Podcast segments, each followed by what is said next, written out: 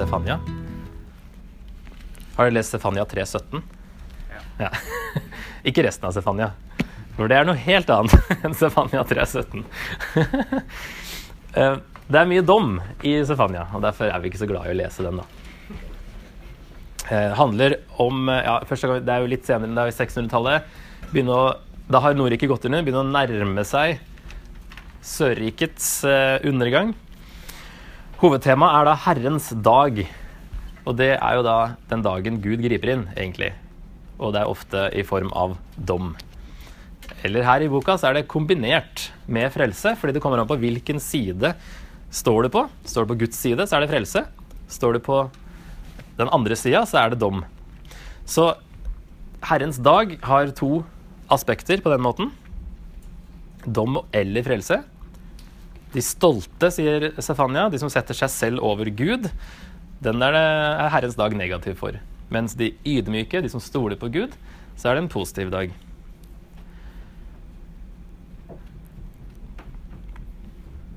Så det er mye dom og liksom mørke, men samtidig da dette For eksempel 3.17, som det står. eh, Herren fryder seg over deg som på en høytidsdag og danser av glede. jeg. Det er da det positive aspektet av eh, dommens dag, eller Herrens dag. Og et annet eh, sånn dobbelt aspekt er også at eh, det handler om jordisk dom i at eh, nasjonene skulle komme, babylonerne spesielt, skulle komme og utføre Guds dom. Og så er det også Jesu gjenkomst det er snakk om. Den store dommen. Så det er på en måte både jordisk og messiansk. Så av og til så er det litt sånn blandingsspråk som brukes, så det er litt vanskelig å vite hva Safania snakker om. Om det er 500-tallet før Kristus, eller om det er Jesus. Så det peker jo fram, da, det er i hvert fall den jordiske dommen som skjer den gangen. Det peker fram mot Jesus og Herrens dag for alvor. Det har vært mellom Hiskia, som var den forrige gode kongen, og Joshia, som er en god konge nå, så var det de to imellom, altså faren og bestefaren til Yoshia, de var skikkelig dårlige. Han Manasseh var en av de verste. Så Yoshia han må reformere landet et par ganger. Og så kommer eh, Sefania med et sånn budskap i forbindelse med den eh, eh, reformasjonen, reformene. For han sier at han skal utrydde de siste rester av Bal i landet. Så det er liksom Yoshia har kanskje gjort mye, eh, men det er fortsatt noe igjen som eh, kommer med budskap om det. Redningen fra dommen det er jo å søke Herren, søke rettferdighet, søke ydmykhet. Det gis i kapittel 2, vers 1 og 3. Her har vi den. Én syklus, synodom. Og så er siste biten, der vi finner vers 17, er gjenopprettelsen. Så fram til det er det mye negativt. Sånn sett. Det er egentlig positivt i Bibelen. Da. Det er der vi må snu om litt. Dom er positivt.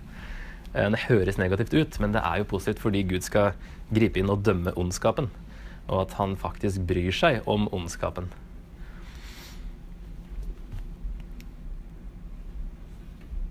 Ja, så her skal folkeslagene dømmes, og det skal liksom vekke opp Juda når de skal skjønne at de må skjerpe seg. Ellers så kommer dommen til dem også, som det glir over til her i begynnelsen av kapittel 3.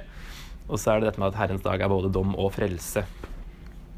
Sånn at i samme verset, i 3.8, så um, står det først at uh, folkeslagene skal dømmes, kongerikene eh, skal føres sammen og for å øse ut min harme over dem, står det. Og så i vers 9 så står det da at eh, da skal jeg igjen gi folkene Det er jo samme som folkeslagene, som akkurat ble dømt. Så står det at han skal gi folkene et rent tungemål, så de alle kan påkalle Herrens navn. Så det er eh, i samme setning nesten der, så er det de to aspektene, da. Akkurat i starten av den siste biten. Jesus i Stefania, det er jo da som sagt at Herrens dag peker fram mot Jesu gjenkomst og dommen. Og så er det det vers 9 som vi akkurat leste, så de alle kan påkalle Herrens navn. Det er jo ikke det som siteres i 10.13 i Romerne. Det er jo Joel han siterer, men det er jo nesten likt, dette her. Så vi kan jo tenke at det her er å peke fram mot Jesus, siden det er samme uttrykket. Og Herren i Nytestamentet, det er jo nesten alltid Jesus. Så de bruker ofte da vers som der det står Javé, faktisk, i eh, GT. Bruker de om Jesus i NT uten å blunke. Syns det er helt greit. Eh, Jesus er da Gud, er jo eneste logiske konklusjon på det. Eh, selv om de sier jo ikke det rett ut, men de sier det med hvordan de bruker sitatene.